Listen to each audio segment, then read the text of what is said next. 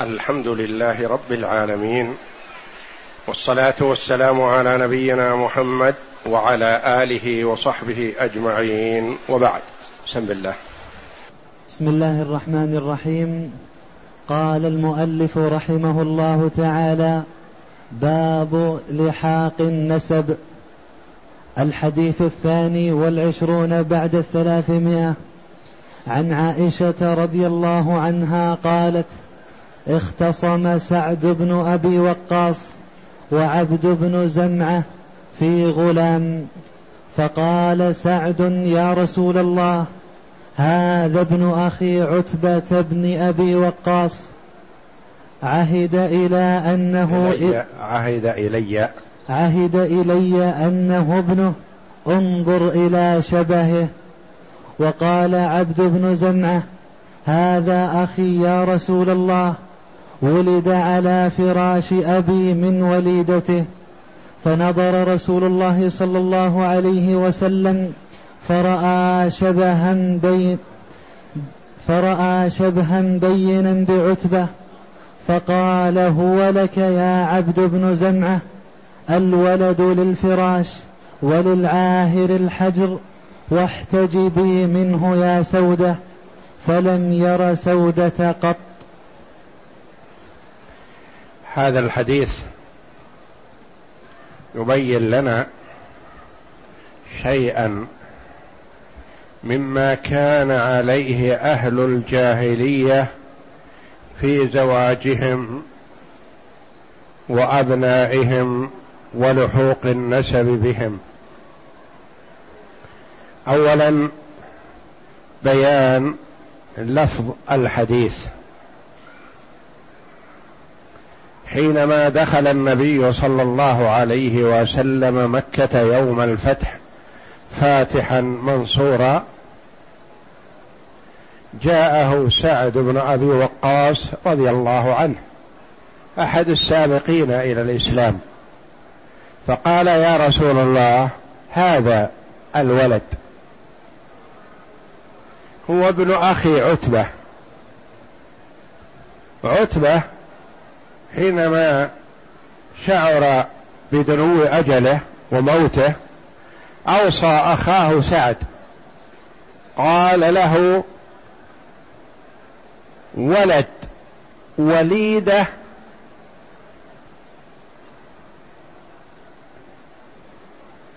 التي هي وليدة زمعة. هذا ابني. ألحقه بي. يقول تلك الوليدة الأمة التي لزمعة هو زنى بها. وأنجبت هذا الولد يقول هذا ولدي. ألحقه بي. فجاء سعد رضي الله عنه يريد أن ينفذ وصية أخيه. فقال لرسول الله صلى الله عليه وسلم يا رسول الله هذا الولد هذا الغلام ابن أخي أوصاني به أخي عتبة. قال إذا دخلت مكة فذلك الولد هو ولدي.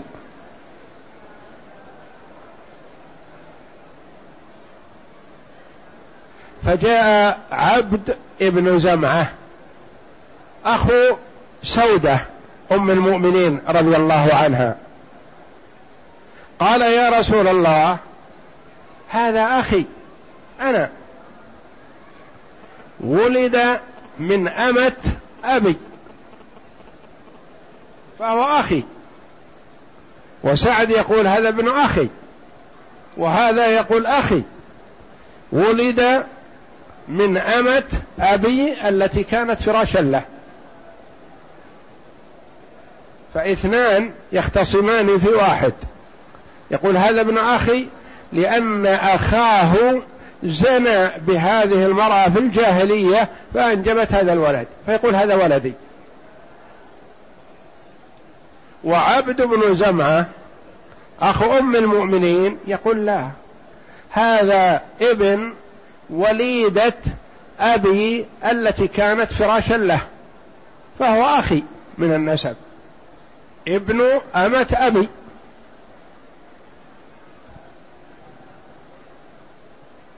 وسعد يقول انظر إلى شبهه. انظر يا رسول الله أنت تعرف عتبة. هذا الولد شبهه بعتبة سواء بسواء. فقال النبي صلى الله عليه وسلم قولته الحكيمة التي أتى بها بلفظ قليل اشتملت على معنى عظيم. فقد أعطي صلى الله عليه وسلم جوامع الكلم. فقال عليه الصلاة والسلام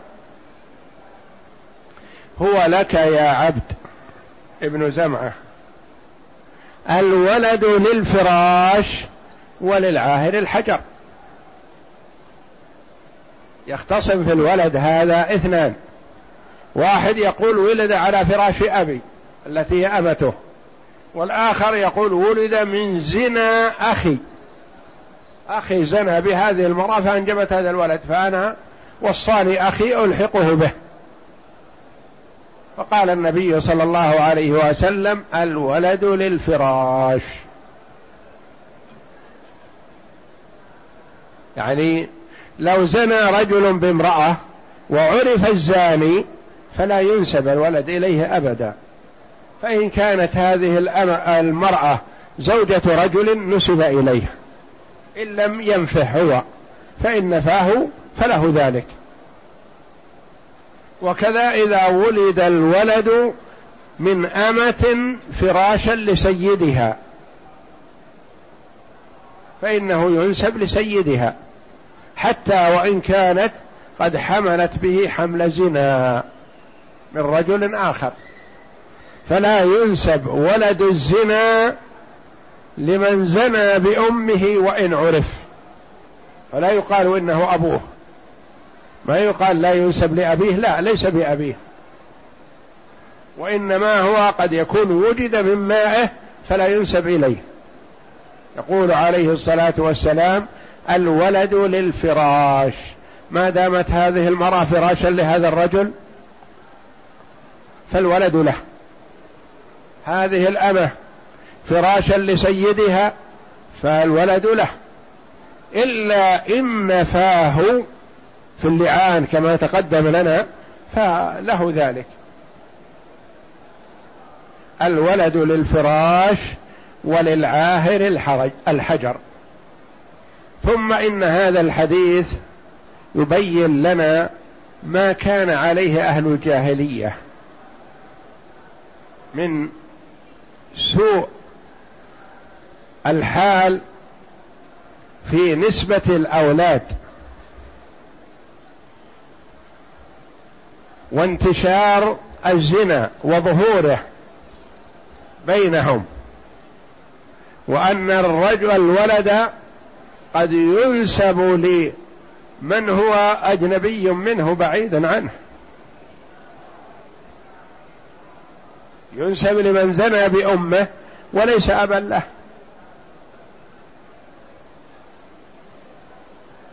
وقد ذكرت عائشة رضي الله عنها أنواع الزيجات في الجاهلية منها أن العشرة الرهط يجتمعون ويتعاقبون على المرأة.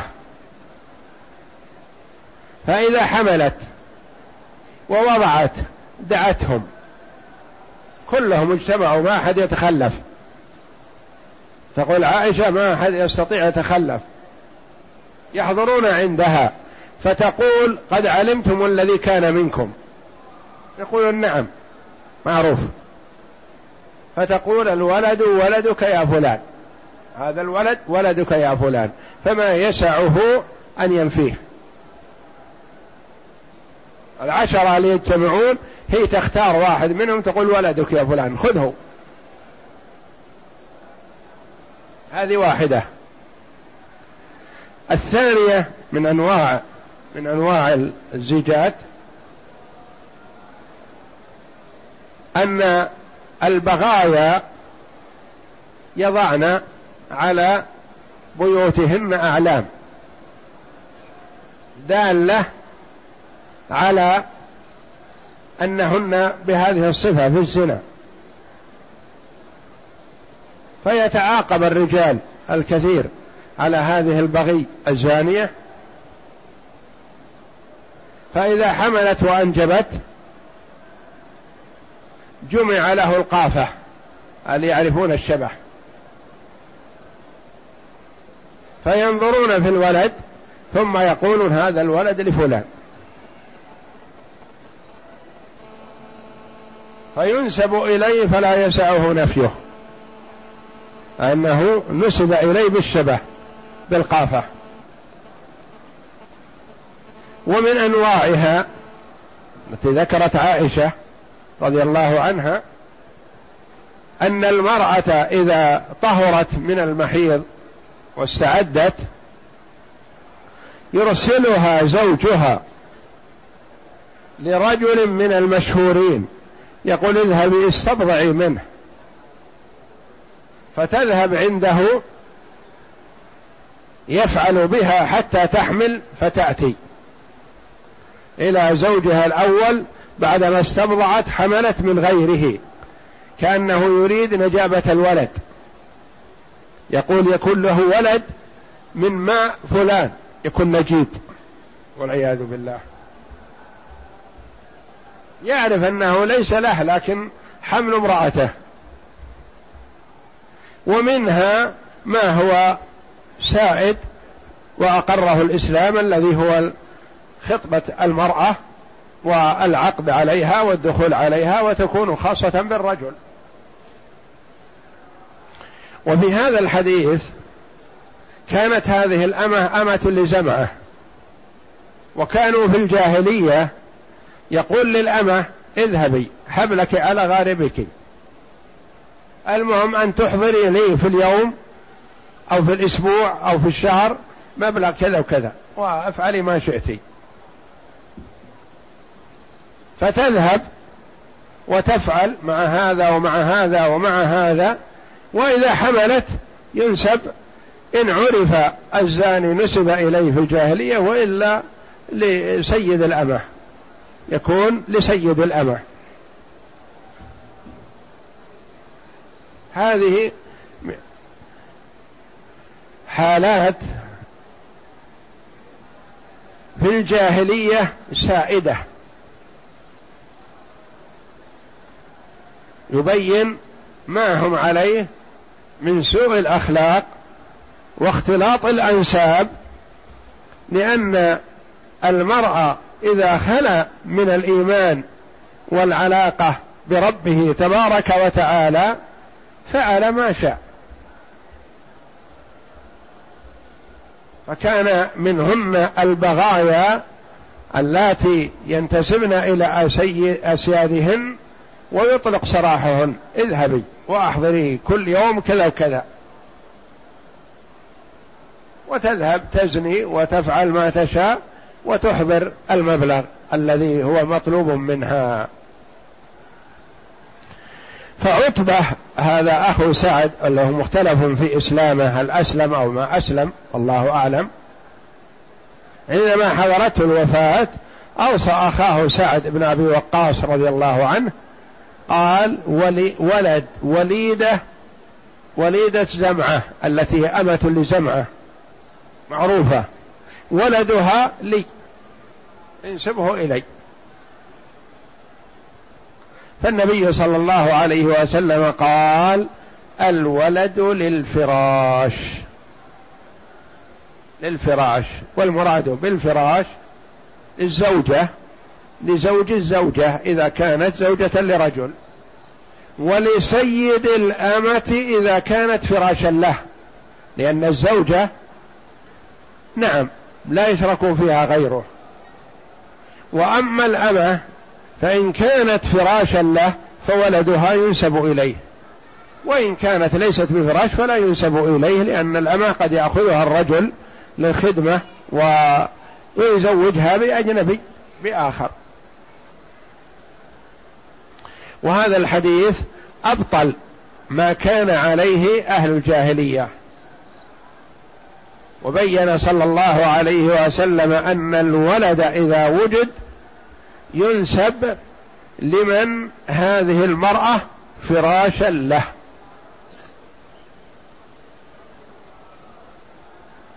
يقال عليه الصلاة والسلام وللعاهر الحجر العاهر الزاني.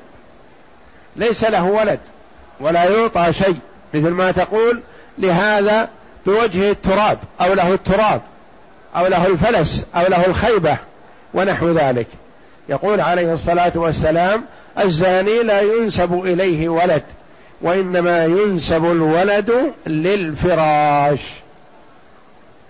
هذا إذا كانت إذا كان ممكن نسبته إليه كأن تكون مثلا زوجة فراشا لزوجها أو أمكن التقاؤه بها بخلاف ما إذا تزوجها وهي بعيدة وهو بعيد ثم أنجبت ولد فهذا محل نظر الجمهور على أنه لا ينسب لزوجها لأنه لا يمكن أن يكون منه لعدم اللقاء بينهم.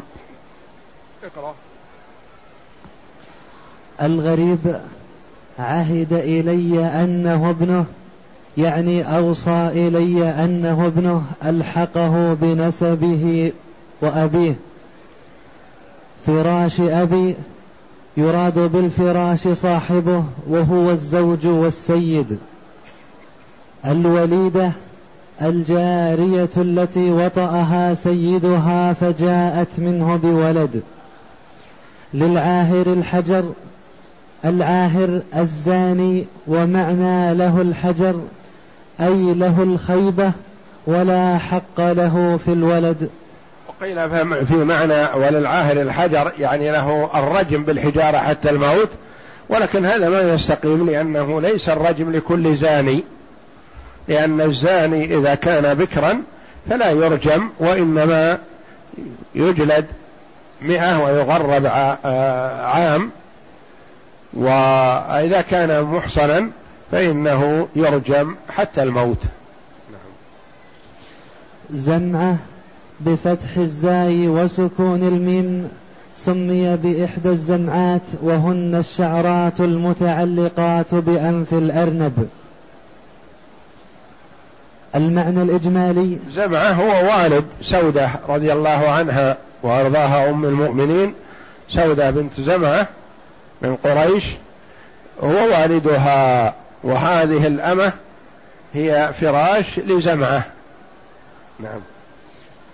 ثم إن النبي صلى الله عليه وسلم قال واحتجبي منه يا سودة. لما رأى عليه الصلاة والسلام شبهه واضح بين بعتبة. لم لم يكن شبهه بزمعة أو أولاد زمعة وإنما كان شبهه بعتبة. والنبي صلى الله عليه وسلم أعطى قاعدة. قال الولد للفراش. لكن الشبه لما كان شبهه بعتبة قوى أن يكون بعيد عن عتبة. فأمر أم المؤمنين رضي الله عنها سودة من باب الاحتياط أن تحتجب عنه. فلا تراه ولا يرى قل ما رأته ولا رآها حتى الموت. ما رأى زمعة ما رأى سودة رضي الله عنها لأنه مشكوك فيه. نعم. المعنى الإجمالي كانوا في الجاهلية يضربون على الإماء ضرائب يكتسبنها من فجورهن ويلحقون الولد بالزاني إذا ادعاه. فزنى عتبة بن أبي ادعاه الزاني قالوا لك وإذا ما ادعاه فهو ينسب إلى سيد الأمة. هذا إذا كانت فراشا. نعم. فزنى عتبة بن أبي وقاص بأمة لزمعة بن الأسود فجاءت بغلام فأوصى عتبة إلى أخيه سعد بأن يلحق هذا الغلام بنسبه. فلما جاء فتح مكة ورأى سعد الغلام عرفه بشبهه بأخيه فأراد استلحاقه. فاختصم عليه هو وعبد بن زمعة فأدلى سعد بحجة وهي أن أخاه أقر بأنه ابنه وبما بينهما من شبه. فقال عبد بن زمعة هو أخي ولد من وليدة أبي. فنظر النبي صلى الله عليه وسلم إلى الغلام فرأى فيه شبها بينا بعتبة. لأن الأصل إنه تابع لمالك الأمة. فقد إلا أن الأصل. إلا أن الأصل أنه تابع لمالك الأمة. فقد قضى به لزمعة وقال الولد للفراش وللعاهر الزاني الخيبة والخسارة فهو بعيد عن الولد. ولكن لما رأى شبه الغلام بعتبة تورع صلى الله عليه وسلم أن يستبيح النظر إلى أخته سودة بنت زمعة بهذا النسب فأمرها بالاحتجاب منه احتياطا وتورعا. ما يؤخذ من الحديث اولا أن الولد للفراش بشرط إمكان الإلحاق بصاحب الفراش. قال ابن دقيق العيد والحديث أصل في إلحاق الولد بصاحب الفراش وإن طرأ عليه وطء محرم. حتى لو حصل زنا من الأمة إذا كانت فراشا لسيدها أو حصل زنا من المرأة وهي فراش لزوجها مثلا وطأها فالولد ينسب إلى من هذه المرأة فراشا له ولا ينسب للزاني حتى لو عرف. ثانيا أن الزوجة تكون فراشا بمجرد عقد النكاح وأن الأمة فراش لكن لا تعتبر إلا بوطء السيد فلا يكفي مجرد الملك. فالزوجة تكون فراشا بمجرد العقد مع إمكان الوطء بخلاف ما إذا حصل عقد ولم يتصور إمكان الوطء لكون الزوجة مثلا في المشرق والزوج في المغرب وحصل عقد ولم يلتقيا فحملت فلا يقال الولد للفراش وإنما هذا ولد زنا فلا ينسب إليه. والأمة بشرط أن تكون فراشا لأن الأمة ليس المقصود من تملكها الوطء لأنه قد يشتريها ولا يقربها. تكون مزوجة أو يزوجها مثلا من رقيقة أو لا يزوجها ولا يطأها مثلا فلا ينسب إليه ولدها من الزنا. والفرق بينهما أن عقد النكاح مقصود للوطأ وأما تملك الأمة فلمقاصد كثيرة. يعني يمكن يتملك الأمة ولا يطأها. يمكن يتملك أختين معا. بخلاف الزواج ما يمكن يتزوج أختين معا. ممكن يتزوج يتملك الأمة وابنتها. ولا يمكن أن يتزوج الأمة وابنتها مثلا. وهكذا فالتملك أوسع من الزواج لأنه قد يتملكها ولا يطأها ولا يقربها. نعم. أما شيخ الإسلام ابن تيمية فقال أشار أحمد أنه لا تكون الزوجة فراشا إلا مع العقد والدخول المحقق. الدخول المحقق يعني يكون أنه دخل بها. يعني حصل بينهما اتصال. لا الإمكان المشكوك فيه. إذا ما حصل دخول ما ينسب الولد. نعم. قال ابن القيم وهذا هو الصحيح المجزوم به. وإلا فكيف تصير المرأة فراشا ولم يدخل بها الزوج ولم يبن بها؟ ولم يبن بها يعني لم يجامعها. نعم. ثالثا أن أن الاستلحاق لا يختص بالأب بل يجوز من الأخ وغيره من الأقارب. رابعا أن الاستلحاق لا يختص بالأب. يعني طالع كونه يقول هذا ولدي هذا ممكن. لكن الاستلحاق قد يكون من الأخ قد يكون من ابن العم يقول هذا ابن عمي ابن أخي ابن خالي وهكذا. نعم. رابعا أن حكم الشبه إنما يعتمد عليه إنما يعتمد عليه إذا لم يكن هناك ما هو أقوى منه كالفراش. الفراش والشبه أيهما أقوى؟ الفراش أقوى. فحتى لو وجد الشبه مع أن الفراش لغير من له الشبه فيلحق بالفراش. الولد للفراش. نعم.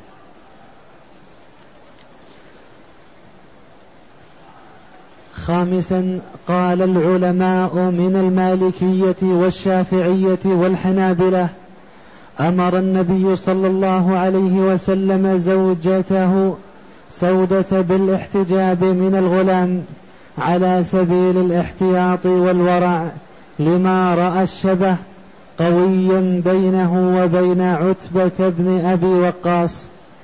الاحتياط لأن أمهات المؤمن لأنه من حيث الحكم والنسب هو منسوب لزمعة ويقال هذا ابن زمعة وهذه سودة بنت زمعة رضي الله عنها.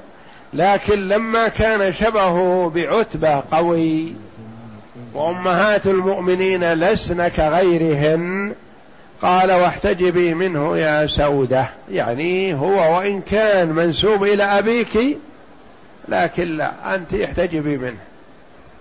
يقول فما رآها وما رأته أبدا. نعم. سادسا أن حكم الوطء المحرم كالحلال في حرمة المصاهرة. أن حكم الوطء المحرم كالحلال في حرمة المصاهرة. فإذا زنى بامرأة مثلا فلا يتزوج بنتها. زنى بامرأة فلا يتزوج أمها لأنه يحرم أن يرى الرجل فرجي المرأة وبنتها. وإنما إذا زنى بواحدة حرمت عليه الأخرى.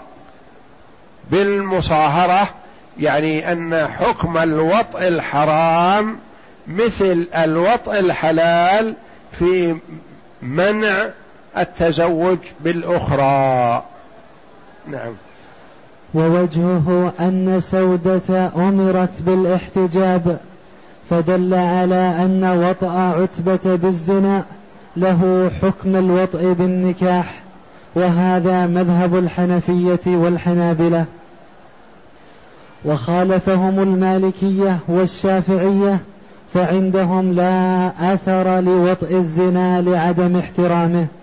يقول المالكية والشافعية رحمة الله عليهم إذا زنى الرجل بامرأة مثلا فلا تحرم عليه أمها أن يتزوجها. أو زنى بالأم فلا تحرم عليه البنت. قال لأن الوطأ الحرام لا أثر له.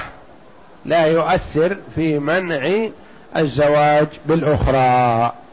نعم. سابعا أن حكم الحاكم لا يغير الأمر في الباطن. فالنبي صلى الله عليه وسلم حكم بأن الولد لجمعة ولما كان الشبه قوي بعتبة قال احتجبي منه يا سودة. فمثلا الحاكم إذا تخاصم اثنان عند الحاكم وحكم القاضي بهذا الشيء لهذا مثلا. بينما هذا يعرف الحقيقة والواقع أنه ليس له فإنه يحرم عليه لأن حكم الحاكم لا يحل الحرام. والنبي صلى الله عليه وسلم قال هذا في الحديث الصحيح إنما أنا بشر وإنكم تختصمون إلي ولعل بعضكم يكون ألحن بحجتي من بعض فأحسب أنه صادق فمن قضيت له بحق أخيه فلا يأخذه فإنما هي قطعة من نار فليأخذها أو ليدعها. وبعض الناس مثلا يقول ما دام القاضي حكما هذا لي خلاص لي. نقول لا. إذا كنت تعرف حقيقة الأمر أنه ليس لك فحكم الحاكم لا يبيحه لك ولا يحلله لك.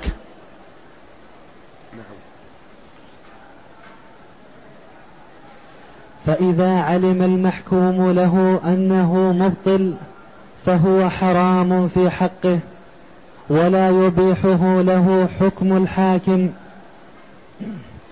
قال شيخ الإسلام ومن وطئ امرأة بما يعقده نكاحا فإنه يلحق به النسب ويثبت فيه حرمة المصاهرة باتفاق العلماء فيما أعلم. وإن كان ذلك النكاح باطلا عند الله وعند رسوله وكذلك كل وطئ اعتقد أنه ليس حراما وهو حرام. قد يتعارف بعض الناس على زواجات غير صحيحة لكن سائدة بينهم فالنسب يلحق. والنسب يحرص على حفظ النسب ونسبة الولد إذا أمكن ذلك. فمثلا عند المجوس يتزوج الرجل بنته وأخته. فإذا تزوج المجوسي بنته أو أخته مثلا وأنجبت له ولد فالولد يلحق بأبيه لأن هذا زواجهم السائد بينهم. كذلك لو تعارف مثلا بعض أهل الكتاب مثلا أن المرأة إذا اختارت الزوج ورضيت به وأخذت بيده وأخذ بيدها وتعارفوا على هذا أن هذا يعتبر بالنسبة للحوق النسب ولحرمة المصاهرة سائد وصائر والنسب يلحق بهذا. مثلا إذا تعارف مثلا فئة من أهل الكتاب على أن المرأة إذا اختارت زوجا وقالت هذا زوجي وأخذت بيده وأخذ بيدها واتفقوا على هذا وأعلنوا هذا أن هذا يعتبر بالنسبة للولد يلحقهما. وإن كان النكاح هذا باطل أو الوطء هذا محرم لكنهم تعارفوا عليه ودرجوا عليه فلحوق النسب يلحق.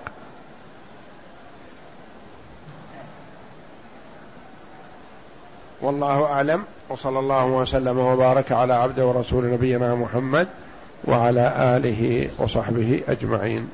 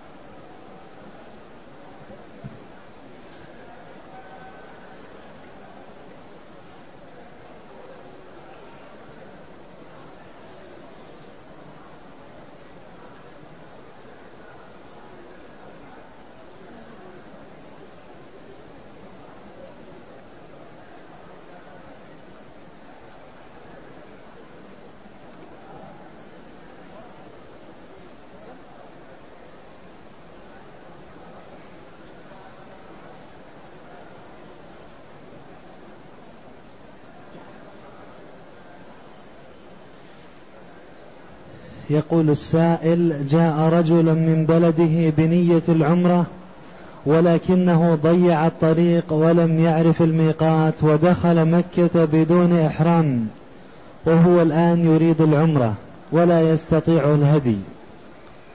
عليه أن يعود إلى الميقات ويحرم منه ولا شيء عليه. أما إن كان أحرم من دون الميقات وأدى عمرته أو دخل في النسك ولم يؤدي العمرة إلى الآن فيعتبر عليه هدي لتقصيره في الواجب هذا. شاة تذبح في مكة لفقراء الحرم فإن لم يستطع الهدي صام عشرة أيام.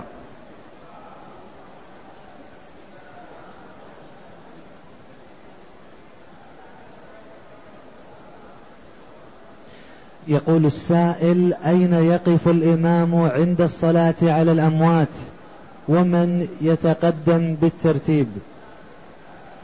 الترتيب اولا يكون مما يلي الإمام الرجال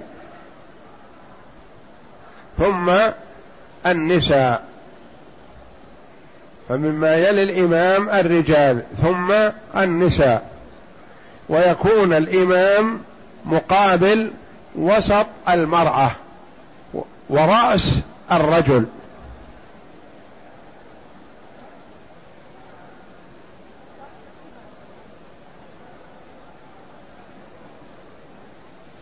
يقول السائل لي بنت ولها ثلاثة أولاد وزوجها توفي فهل يصح أن أعطيها من زكاة المال؟ لا بالنسبة لبنتك وأولادها ما تعطيهم من زكاة مالك لأنه يجب عليك الإنفاق عليهم إذا قصرت بهم النفقة. لأن عمود النسب يجب إنفاق بعضهم على بعض عند التقصير سواء ورثت أو لم ترث. فأولاد البنت مثلا أنت ما ترثهم لكن يجب عليك أن تنفق عليهم إذا لم يوجد أقرب منك ينفق عليهم.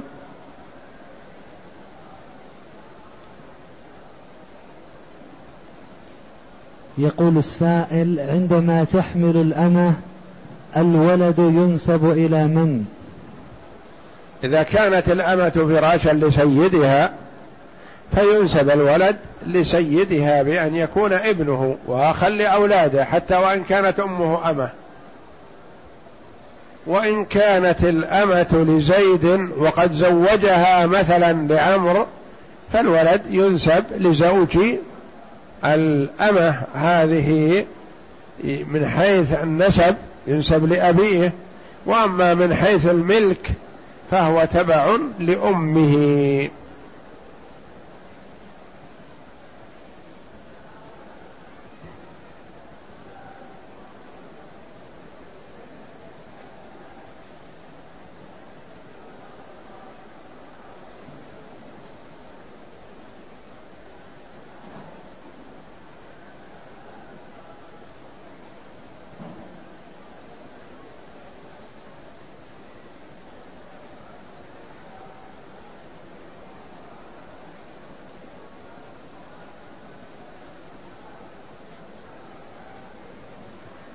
يقول هل يجوز أن أعتمر وعلي دين؟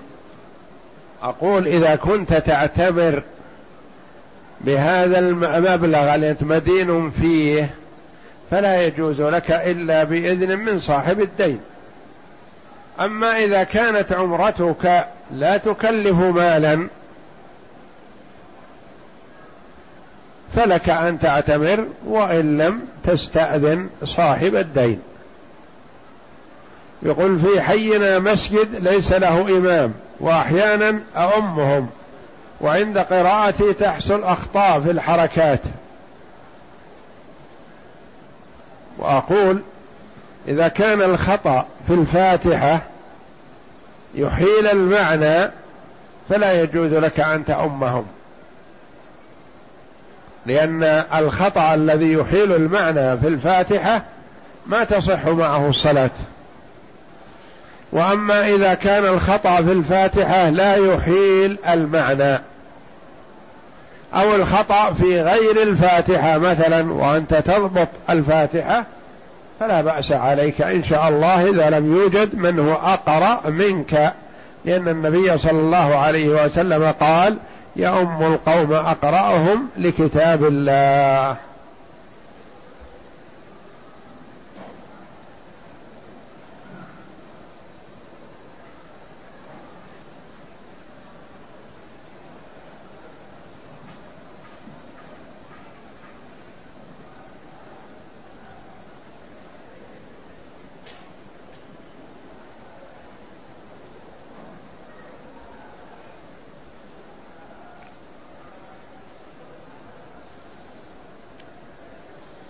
يقول السائل كيف الجمع بين قوله تعالى ادعوهم لآبائهم هو أقسط عند الله وقوله صلى الله عليه وسلم الولد للفراش مع أن صاحب الفراش ليس أبا حقيقيا للولد.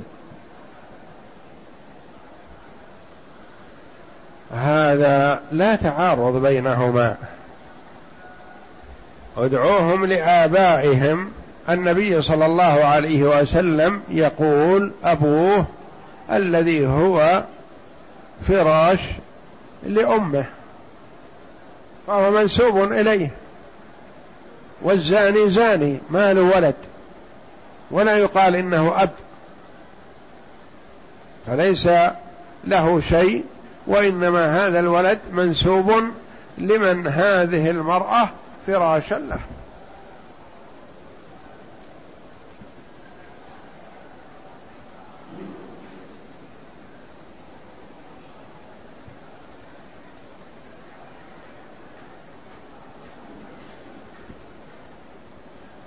يقول السائل أثناء الصلاة في المسجد الحرام هل يكون النظر إلى موضع السجود أم إلى الكعبة؟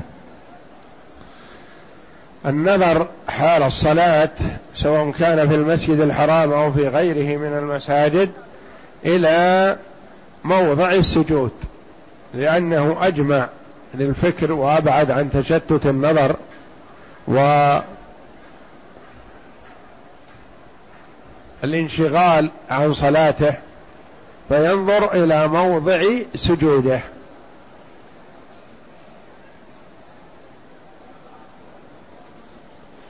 يقول السائل هل الطواف واجب عند كل دخول للمسجد الحرام؟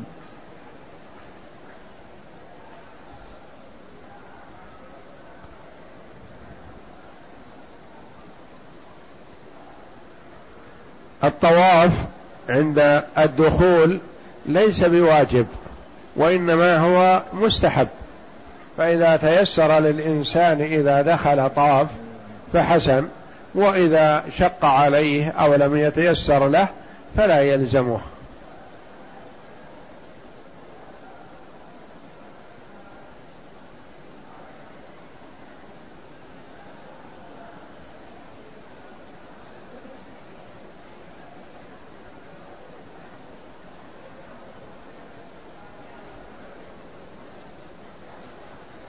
يقول السائل الأمة إذا كانت لها بنت وشراها رجل وتملكها فهل يجوز لمالكها أن يطأ المرأة وبنتها؟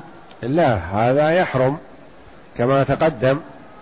إذا اشترى الأمة وابنتها مثلا ممكن أن يشتريهما ويكون في ملك يمينه. فإذا جامع المرأة الأم مثلا حرمت عليه البنت. وإذا جامع البنت لكونها أمة له حرمت عليه الأم حرمة مؤبدة. ما يصح أن يجامع هذه ويتخذها فراشا سنة ثم يتخذ الأخرى السنة التي تليها لا لأنه إذا جامع الأم حرمت عليه البنت حرمة مؤبدة وإذا جامع البنت حرمت عليه الأم حرمة مؤبدة وهكذا. فإذا جمع أحدهما حرمت عليه الأخرى حرمة مؤبدة.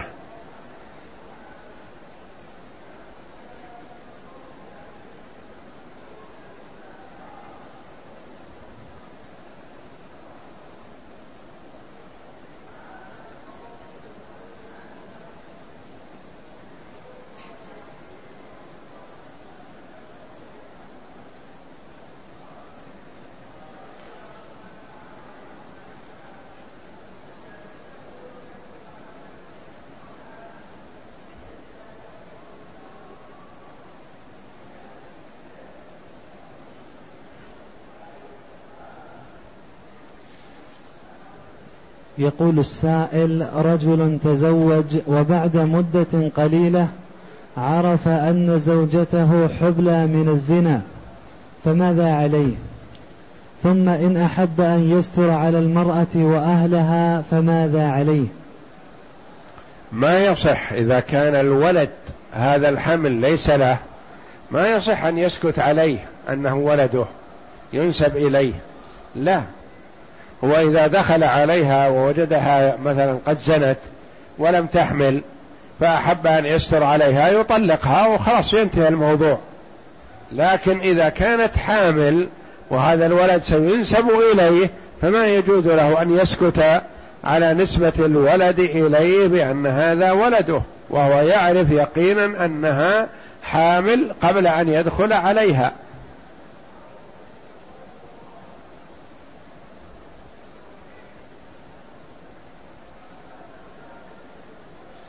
يقول السائل أديت العمرة وأريد أن أؤدي عمرة لأقاربي.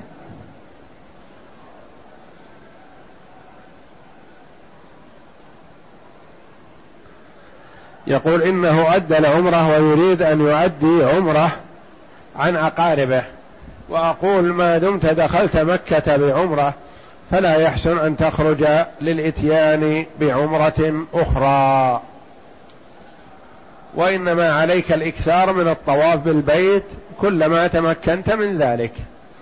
فإن خرجت من مكة لغرض من الأغراض لجدة أو المدينة أو الطائف أو غيرها ورغبت في العودة إلى مكة فتعود إليها بعمرة عن نفسك أو عن من شئت.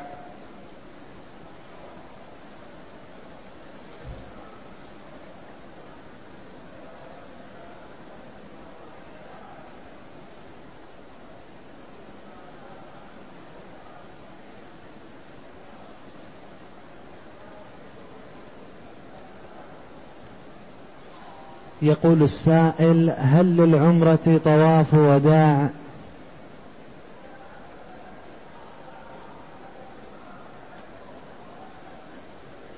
محل خلاف بين العلماء رحمهم الله طواف الوداع للمعتمر. فمن العلماء من يقول يجب على المعتمر أن يطوف للوداع مثل ما يجب على الحاج. ومن العلماء من يقول طواف الوداع واجب على الحاج ولا يجب على المعتمر فالمسألة فيها خلاف. والأولى للإنسان إذا تمكن أن يطوف للوداع لأنه قربة وعبادة وطاعة لله تبارك وتعالى.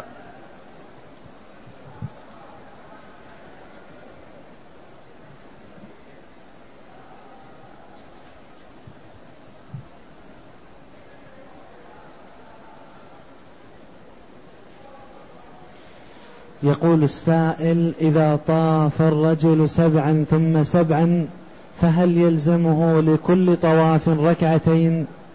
وهل يلزم السعي بين الصفا والمروة لكل طواف نفل؟ إذا طاف سبعة أشواط ثم طاف سبعة أشواط ثم طاف سبعة أشواط فإن صلى لكل سبعة أشواط مثلا ركعتين فحسن وإن جمع الجميع بركعتين أجزأه ذلك إن شاء الله. ولا يصح التطوع والتنفل بالسعي. فالسعي سبعة أشواط في الحج وسبعة أشواط في العمرة. ولا يكرر. فإذا قدم للعمرة وطاف ثم سعى فقد أدى ما عليه وانتهى السعي. ويستحب له أن يكرر الطواف البيت ولا يسعى فإن سعى مرة أخرى فسعيه عبث ولا يجوز لأنه ليس من السنة. فتكرار السعي لم يرد وتكرار الطواف وارد.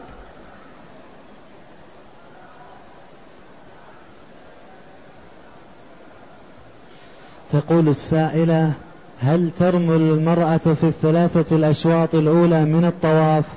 وهل تهرول بين العلمين في المسعى؟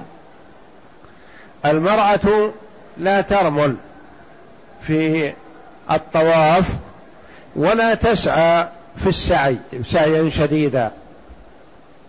لا تسعى سعيا شديدا وإنما تمشي فقط في الطواف والسعي. لأن إظهار الجلد والقوة هذا مطلوب بالنسبة للرجال. أما بالنسبة للنساء فلا يشرع في حقهن الرمل ولا السعي الشديد لأنه لم يرد عن النبي صلى الله عليه وسلم.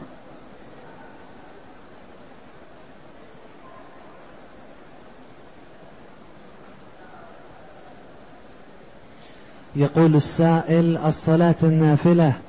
أيها أفضل للمعتمر والحاج أداؤها في السكن بجوار الحرم أم أداؤها داخل المسجد الحرام؟ النافلة مطلقة صلاتها في البيت أفضل. لأن النبي صلى الله عليه وسلم تنفله في بيته وأمرنا بأن نجعل لبيوتنا جزءا من صلاتنا يعني النافلة.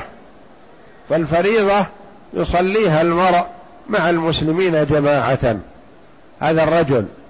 والمرأة تصليها في بيتها أفضل. وأما النافلة فهي في البيت أفضل. سواء كان في مكة أو في المدينة أو في غيرهما.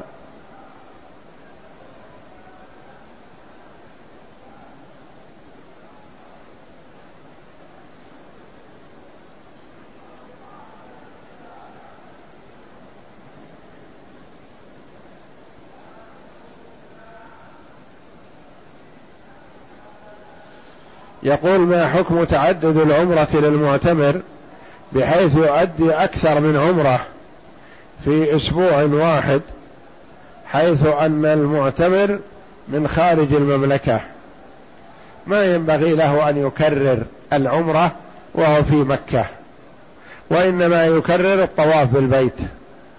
فإن خرج من مكة لحاجة فعاد إلى مكة فيعود إليها بعمرة.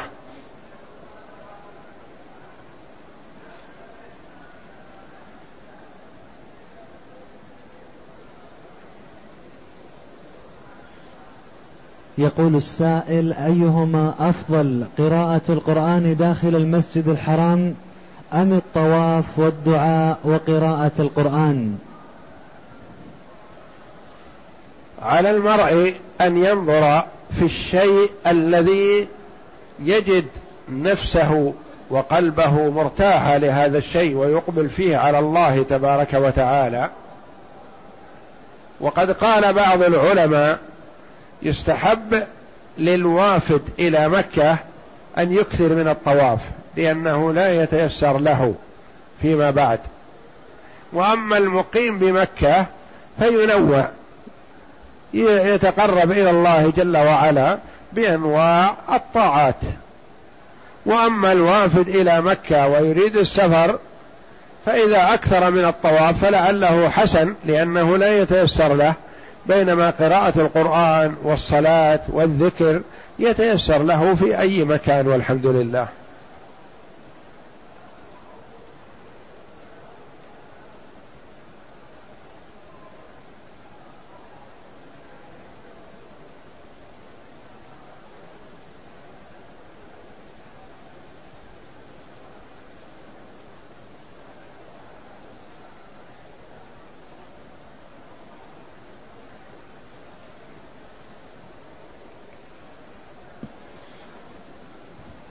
تقول السائلة امرأة حبست رابية ولم تطعمها وتسقيها حتى ماتت فكيف تكفر عن ذلك؟ عليها التوبة والاستغفار والندم على ما فرط منها والعزم على أن لا تعود إلى هذا الفعل مرة ثانية ولم يرد أن عليها كفارة وإنما عليها التوبة والاستغفار. والله جل وعلا يتوب على من تاب.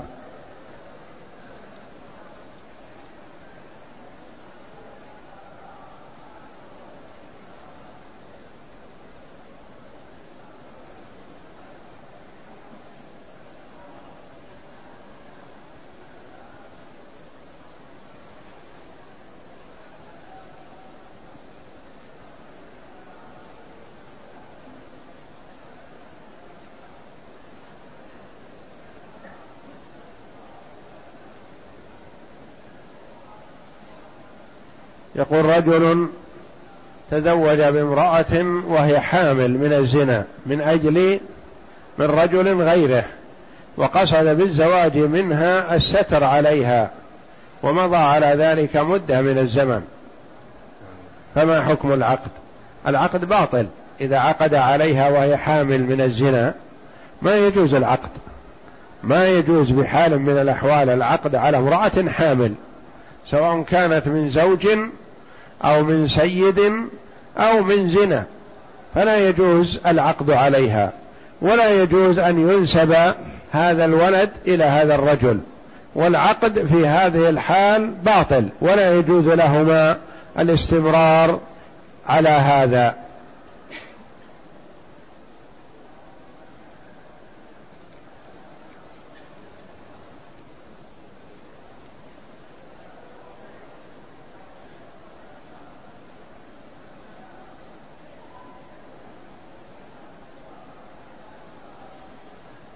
يقول طفت بامرأة عجوز وفي أثناء الطواف انتقض وضوءها فقلت لها أكملي الطواف.